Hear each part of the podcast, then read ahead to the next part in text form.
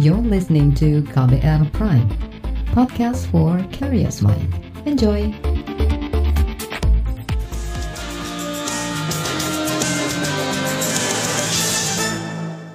Halo saudara, senang sekali kami bisa menyapa Anda kembali dalam program KBR Sore untuk edisi hari ini Rabu 10 Juni 2020. Saya Sindu Darmawan akan menemani Anda selama kurang lebih 30 menit ke depan. Kali ini kita akan membahas keputusan Menteri Perhubungan yang menghapus ketentuan pembatasan penumpang angkutan umum saat PSBB masa transisi di tengah pandemi COVID-19. Saudara, Kementerian Perhubungan menghapus aturan pembatasan kapasitas penumpang pada transportasi umum dan kendaraan pribadi sebesar 50 persen.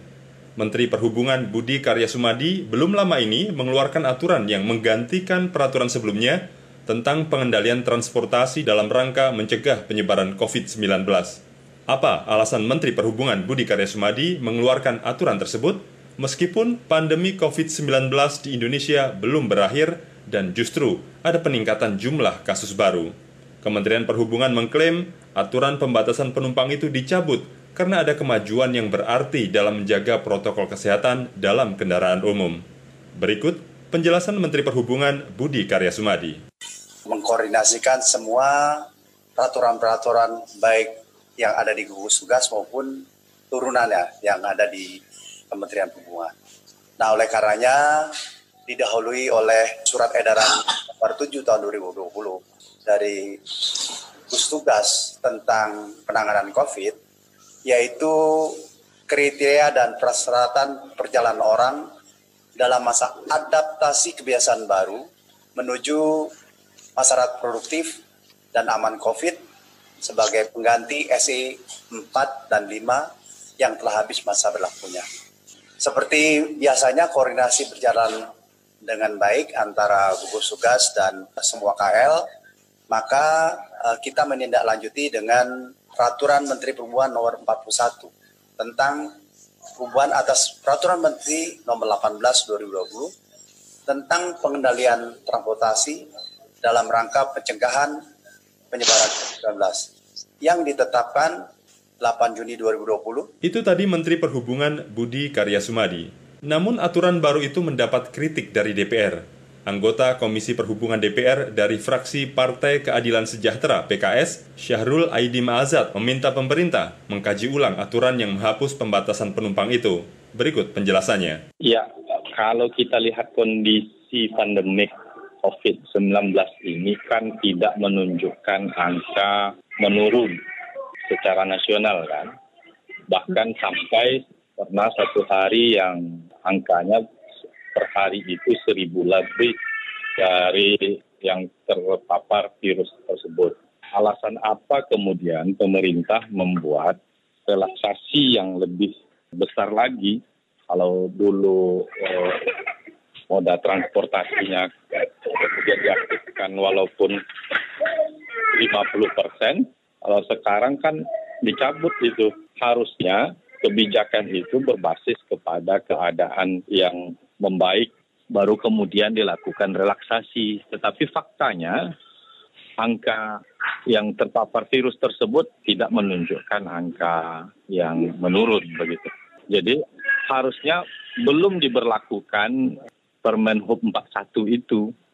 Jadi perlu ditinjau ulang karena ini akan menjadi pemicu kemudian uh, untuk bertambahnya kasus. Formulasi aturan seperti apa yang mestinya dibuat pemerintah? Ya, setidaknya kan bertahan di Permen Hub 18 karena kan di satu sisi kita dalam new normal kan tetap menjaga physical distancing jarak satu meter. Tapi bayangkan ketika tidak ada lagi formula di dalam bis misalnya yang tiap orang bisa menduduki tempat duduk, itu kan bertentangan jadinya kan. Jadi harusnya kebijakan-kebijakan di masa pandemik ini tidak parsial. Harusnya kebijakan itu memang yang mengeluarkan adalah ketua satgasnya. Meskipun itu berkaitan dengan perhubungan. Tetapi ingat bahwasanya itu tidak lepas dari bencana atau pandemik dari COVID-19. Sehingga nampak satu komando Ini kan seolah-olah antara Satgas dengan kebijakan Permenhub tidak sinkron. Gitu. Apa usulan DPR? Ya, harusnya ditinjau ulang lagi lah. Akan lebih baik karena kondisi korbannya masih juga banyak, angkanya besar. Permenhub ini kan entah kalau diberlakukan secara parsial ya, tetapi kalau diberlakukan ini secara nasional, ini tidak menunjukkan kebijakan yang memang memperhatikan uh, keselamatan rakyat lebih kepada mempertimbangkan kepentingan pemilik usaha. Jadi mohon itu dikaji ulang lagi karena kalau kita lihat dari beberapa histori bahwasanya di transportasi umum inilah banyaknya tertular masyarakat dari COVID-19 karena kan satu ruangan di dalam AC ya kan dan ruangannya tertutup ini akan sangat rentan dengan tertularnya COVID-19. Itu tadi anggota Komisi Perhubungan DPR dari fraksi Partai Keadilan Sejahtera PKS, Syahrul Aidi Mazat. Sementara itu, pengurusan dokumen perjalanan yang rumit, prasyarat tes cepat ataupun USAP juga membebani masyarakat karena biayanya tidak murah. Seperti apa ceritanya? Simak usai jeda berikut, tetaplah di KBR Sore. You're listening to KBR Pride, podcast for curious mind. Enjoy!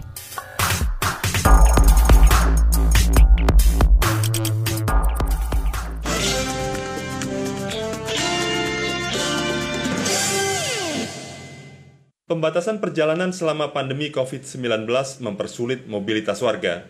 Selain dokumen yang rumit, mengurus tes kesehatan baik tes cepat ataupun tes usap juga menjadi beban karena biayanya tidak sedikit. Simak beberapa pengalaman warga mengurus syarat bepergian yang dirangkum tim KBR. Windy Lazuardi terperanjat begitu disodori kwitansi bertuliskan nominal Rp700.000 yang harus dibayar. Jumlah itu untuk biaya tes cepat atau rapid test COVID-19 dan surat keterangan sehat di sebuah rumah sakit di Jakarta Pusat. Awal bulan ini, Windy terpaksa melakukan tes untuk mendapatkan dokumen persyaratan naik pesawat. Ia mesti berangkat ke Pontianak untuk bekerja cuma rapid test ambil darah doang terus dikasih surat sehat udah. Dan itu berlaku tiga hari. Karena mungkin dia tahu kita mau berangkat mau ada kerjaan. Jadi ya kita uh, ditanyakan sama dia uh, mau ke mana mas? Tes rapid test oh buat persyaratan berangkat. Oh ya udah katanya tapi butuh dua uh, rapid test dan surat sehat. Ya di situ tiba-tiba dikasih harga segitu 700 Pria yang bekerja sebagai penata rias atau make up artis ini menyayangkan biaya tes cepat yang beragam antara rumah sakit. Harusnya ada standar harga yang ditetapkan agar warga tak dirugikan. Kaget dong, wah saya tadi direkomendasikan dari teman saya katanya di sini uh, dari 300 sampai 500-an gitu kan. Oh enggak, 700-an. Ya karena saya orang yang mau ribet dan mau buru-buru ya udah deh udah terlanjur di situ kan. Karena memang udah harus kerja gitu kan dengan biaya segitu ya berkurang dong jadi fee kita gitu kan. Tapi ya mau nggak harus kita lakuin gitu karena memang udah persyaratannya kan. Kesel juga sih sampai gila sampai semahal itu gitu kan. Tapi ya mau gimana ini bingung juga. Bagi Windy dari semua syarat bepergian tes cepat inilah yang paling memberatkan minta sama RT, RW, kelurah gitu kan. Dan di situ kan saya tanya juga biayanya berapa, nggak ada biaya seperti gitu. Cuma emang yang uh, di biaya itu di rapid testnya aja. Harganya ditandarin lah ya kan, jangan terlalu mahal-mahal banget. Karena kan nggak semua orang mampu buat ngelakuin ini. Kalau keperluan mendadak dan kondisi orang tidak punya uang gimana gitu kan. Oke kita berangkat bekerja dapat uang. Kalau keluarga sakit atau apa dan butuh biaya dan harus mengeluarkan biaya sebanyak ini buat berangkat, belum tiket, itu kan berat banget ya. Pembatasan perjalanan juga dilakukan di moda angkutan laut. Calon penumpang yang ingin menyeberang diwajibkan pula untuk tes cepat. Tak sedikit warga yang mengeluhkan biaya tes yang mahal, padahal waktu berlakunya hanya tiga hari. Seperti yang dialami 10 warga Palu, Sulawesi Tengah yang tertahan selama sepekan lebih Pelabuhan Karingau, Balikpapan, Kalimantan Timur. Mereka dilarang berangkat karena tak memiliki tes cepat. Pulang ke kampung halaman menjadi tujuan utama karena sudah tidak ada pekerjaan di kebun sawit Kutai Kartanegara. Ismail, salah satu warga ingin segera pulang karena istrinya di kampung sedang sakit. Namun pria 32 tahun ini malah terlantar di pelabuhan karena tak punya dana untuk biaya tes cepat yang dibanderol Rp500.000 per orang.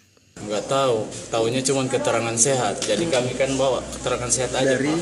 Seandainya kami punya dana Pak, mungkin kami sudah ngurus dan mungkin kami udah sampai di Palu sekarang ini sama rombongan ini. Eh, totalnya ini lebih 10, ya 10 pas. Sebelumnya dari Sibulu ke Palu.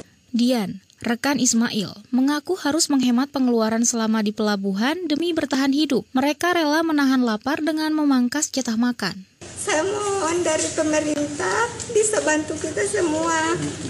Kita siang lapar, ditunda, kendati makannya sore supaya bisa sampai malam. Saya mohon dari pihak pemerintah tolong bantu kami semua mau pulang kampung. Rumit dan mahalnya pengurusan syarat perjalanan juga dikeluhkan Novarida, warga Wonosobo, Jawa Tengah. Selama dua hari, ia kelimpungan mengurus sejumlah dokumen agar bisa keluar dari Bali. Nova harus merogoh kocek sebesar Rp450.000 demi mendapat tes cepat dan surat sehat. Jadi aku kena cek rapid test itu dua eh 350 ribu. Itu di rumah sakit Universitas Udayana. Itu 350 itu udah termasuk yang paling murah di antara yang lain setauku. Terus untuk pengambil eh, untuk ngurus surat-suratnya itu aku kena biaya administrasi 100 ribu. 100 ribu itu untuk kayak apa sih kayak KTP sementaranya Bali ini loh bahwa aku warga situ gitu. Buka, kalau untuk surat jalannya sendiri itu gratis. Jadi aku bayar yang 100 ribu itu untuk ya kayak KTP sementaranya Bali lah kayak gitu. Nova memilih balik kampung karena terkena PHK. Ia mengendarai sepeda motor dari Bali ke Wonosobo guna menghemat ongkos. Nova menempuh perjalanan selama dua hari untuk sampai ke kampung halamannya. Kenapa aku memilih untuk pulang? Karena ya yang jelas satu aku di PHK kedua aku nggak tahu pemasukanku nanti dari mana sedangkan masih mikir ngekos dan lain-lain. Biaya hidup di Bali juga nggak semurah di Jawa. Demikian laporan tim KBR saya Dwi Renjani. KBR sore akan jeda sejenak. Nanti kita bahas bagaimana reaksi ahli medis di sektor transportasi menanggapi pencabutan aturan pembatasan penumpang angkutan umum. Kami segera kembali You're listening to KBR Pride, podcast for curious mind. Enjoy!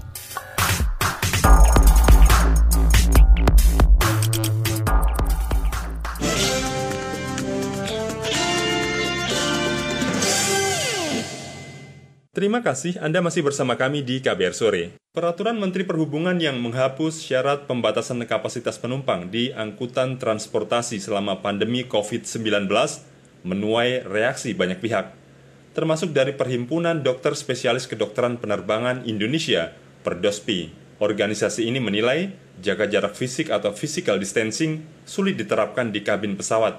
Apalagi saat ini pemerintah telah melonggarkan kapasitas menjadi 70% penumpang dalam kabin pesawat. Lalu apa saran dari Perdopsi untuk meningkatkan perlindungan penumpang pesawat agar tidak berisiko tinggi terpapar penyakit virus corona? Berikut petikan wawancara jurnalis KBR Astri Septiani dengan Ketua Umum Perdospi, Wawan Mulyawan. Yang pertama soal kemarin kan Kementerian Perhubungan menyatakan kapasitas penumpang pesawat dinaikkan begitu dari semula 50% menjadi 70%. Bagaimana menurut dokter sendiri? Untuk hal tersebut kan Perdospi sudah membuat rekomendasi. Rekomendasi kita adalah bahwa tidak ada pengurangan kursi penumpang. Jadi dasar dari Perdospi adalah bahwa jika pun ada kursi yang dikosongkan di dalam pesawat, dasarnya bukan pengurangan, tapi ada area untuk karantina. Yang kita sarankan itu adalah tiga baris terakhir. Sedangkan selebihnya kita tidak menyarankan untuk dilakukan pengurangan jumlah kursi penumpang misalnya jadi 50% atau 70% atau berapapun. Nah, alasan kami karena memang physical distancing di dalam pesawat itu secara teknis dan memang tidak memungkinkan karena jarak antara kursi dengan kursi lain itu kan kurang lebih 50 cm.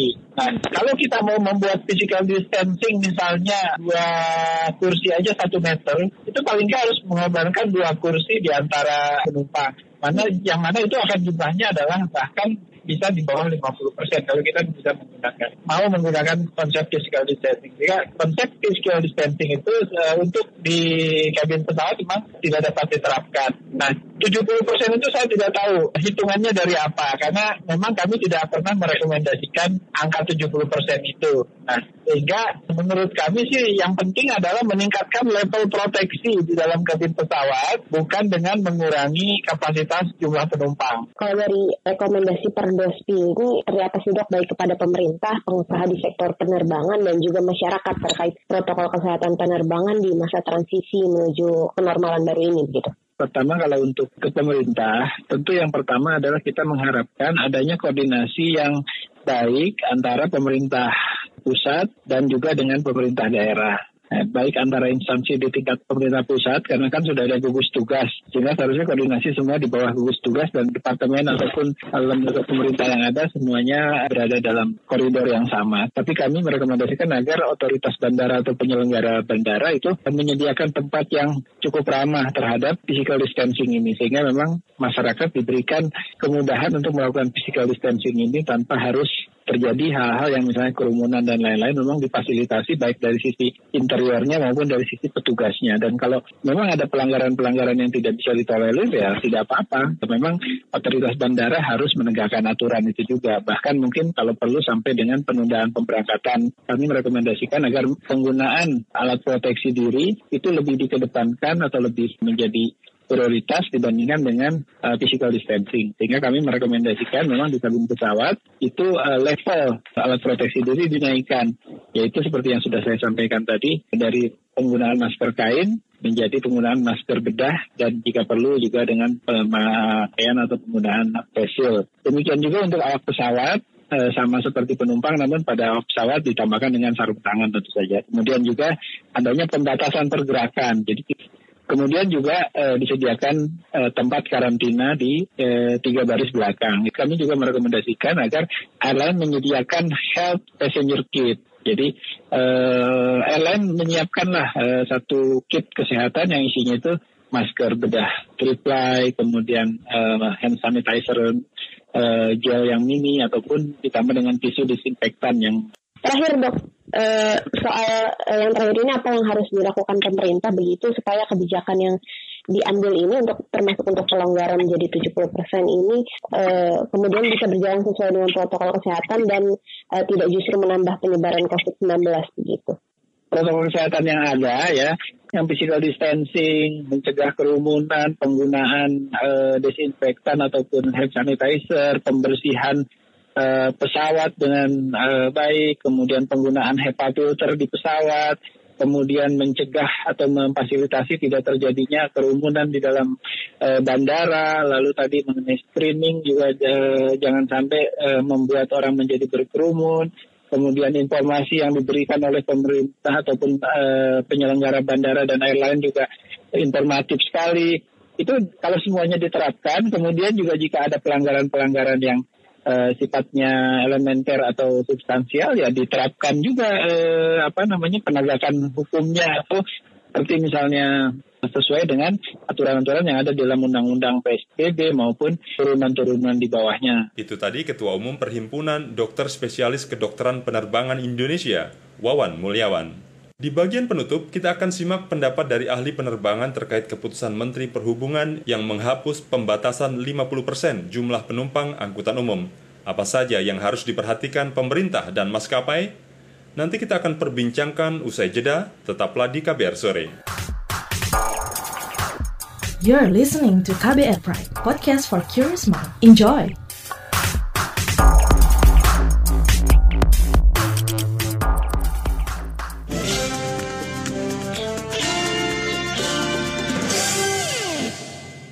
Anda masih mendengarkan KBR Sore? Pemerintah melalui Peraturan Menteri Perhubungan kini membolehkan angkutan umum termasuk maskapai mengangkut penumpang lebih dari 50% dari jumlah kursi yang tersedia. Di balik munculnya aturan itu, banyak kalangan mempertanyakan kesiapan dari transportasi publik itu sendiri. Apa saja yang seharusnya disiapkan pemerintah? Bagaimana dengan protokol kesehatannya? Berikut petikan wawancara jurnalis KBR Dwi Reinjani dengan pengamat penerbangan Alvin Lee terkait kebijakan dari pemerintah yang membolehkan nih Pak maskapai mengangkut lebih dari 50% penumpang ya Pak kan kalau sebelumnya 50% e, dibolehkan kalau lebih tidak boleh kalau sekarang boleh 70 sampai 100% gitu Pak. Nah, kalau dari Bapak sendiri gitu melihat kebijakan ini selama masa pandemi ini masih ada menurut Bapak seperti apa sih Pak? Kenapa yang disorot hanya angkutan udara? Angkutan darat tidak disorot. Padahal angkutan udara itu jumlah pengguna jasanya paling sedikit dibanding angkutan darat. Kemudian juga paling tertib, paling teratur, paling mudah diawasi, identitasnya jelas semua. Kalau ini terkait dengan penyebaran COVID-19, apakah selama ini sudah pernah dilakukan penelitian, tracing, pelacakan bahwa penularan itu lewat penumpang pesawat udara atau justru penumpang angkutan transportasi darat? Saya justru mempertanyakan karena kelihatannya kan yang ditekan terus udara ya. Mau harus ada PCR atau swab test, harus ada ini, harus ada itu. Sementara yang daratnya dilepas gitu aja. Lihat aja antrean di halte, antrean di stasiun itu sama sekali tidak terkendali. Nah di udara yang sudah tertib sudah terkendali ini dikencangin terus. Saya khawatir kalau nanti airlines ini kolaps semua, selesai kita. Kenapa sekarang 70 persen? Ini kan dengan perhitungan kurang lebihnya kursi tengah itu dikosongkan. Kalau kursi tengah dikosongkan itu kan berarti airlines bisa mengisi dua per tiga dari kapasitas. Itu ada cara lain juga. Misalnya setiap kursi itu diberi sekat sehingga antara satu penumpang dengan penumpang di sebelahnya tidak bisa bersentuhan. Yang lebih penting lagi adalah protokol kesehatan. Misalnya selama penerbangan harus menggunakan masker, ya. kemudian pesawat itu setiap kali penumpang sudah keluar semua pesawat dibersihkan dengan disinfektan. Selama pelayanan penerbangan awak kabin menggunakan masker, kemudian juga tameng wajah facial menggunakan sarung tangan, toilet juga dibersihkan. Itu yang terutama di sana. Ini bukan masalah mau diisi berapa persen, diisi 10 persen pun kalau mengabaikan protokol kesehatan juga percuma kan. Adanya penambahan ini gitu Pak, sebetulnya membantu tidak sih Pak untuk pendapatan maskapai sendiri Pak dengan adanya penambahan jumlah penumpang seperti itu? Ini membuka kesempatan, tapi masalahnya bukan hanya ini saja. Persyaratan untuk terbang ini juga sangat memberatkan. Misalnya di Jakarta masih memperlakukan SIKM. Untuk mendapatkan SIKM saja nggak ada kejelasan. Banyak sekali komplain yang masuk ke ombudsman. Padahal penumpang ini kan butuh kejelasan. Kemudian harus ini uji COVID. Uji COVID itu juga nggak murah. Dan ternyata setelah dilakukan uji COVID pun juga tidak menjamin kan. Tetap saja ada yang lolos hasil ujinya negatif, tapi ternyata orangnya positif. Betul. Itu dikarenakan ada jeda antara ketika sampel diambil, hasil keluar, itu mungkin kalau yang swab test kan sekitar 2-3 hari. Sementara setelah sampel diambil, orang tersebut bisa saja beredar dan ketemu dengan orang yang terinfeksi, kemudian ikut tertular. Nah ini kan membuktikan bahwa berbagai syarat yang membelenggu itu belum tentu efektif, tapi juga memberatkan calon pengguna transportasi udara. Jadi walaupun kapasitas ini dibuka, belum tentu juga penumpangnya akan naik signifikan. Tadi kan Bapak juga sudah bilang bahwa sebetulnya langkah-langkah di maskapai ini sudah lebih uh, prepare ya Pak dibandingkan dibandingkan transportasi lain. Apa sih protokol protokol-protokol kesehatan yang harus dilakukan lagi oleh maskapai gitu Pak? Saya kira kalau dari maskapai kan sudah mengikuti semua peraturan ya, baik itu peraturan pemerintah Indonesia maupun best practice atau konvensi internasional. Semuanya dilakukan. Nah, bagi yang sudah patuh ini jangan ditekan terus. Yang sudah patuh ditekan terus sementara kita bobolnya lewat darat ya percuma saja kan. Ini namanya membunuh industri transportasi udara. Yang sudah baik ini harusnya diapresiasi, diberikan insentif, diberikan juga ruang gerak supaya airlines kita ini tidak tumbang. Kalau begini caranya untuk transportasi rute Jawa saja dari Jakarta ke Surabaya. Orang nggak mau sekarang naik pesawat harus tes COVID, harus pakai SIKM. Naik aja mobil travel itu langsung bayar biaya travelnya nggak usah tes COVID, nggak usah apa. Jakarta Surabaya juga lancar jaya saja nggak ada masalah. Dengan begitu membunuh airlines kan. Kan sayang yang sudah tertib, sudah teratur, mudah diawasi, justru kolaps. Sedangkan yang tidak tidak teratur jalan terus. Ini sangat merugikan kita nantinya. Itu tadi pengamat penerbangan Alvin Lee yang juga anggota Ombudsman Republik Indonesia. Saudara perbincangan tadi menutup jumpa kita di KBR Sore edisi Rabu 10 Juni 2020. Pantau juga informasi terbaru melalui website kbr.id, Twitter kami at berita KBR, serta podcast melalui kbrprime.id. Akhirnya saya Sindu Darmawan undur diri. Salam.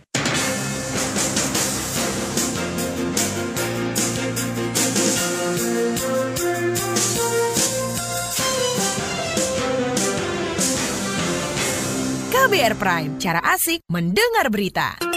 KBR Prime, podcast for curious mind.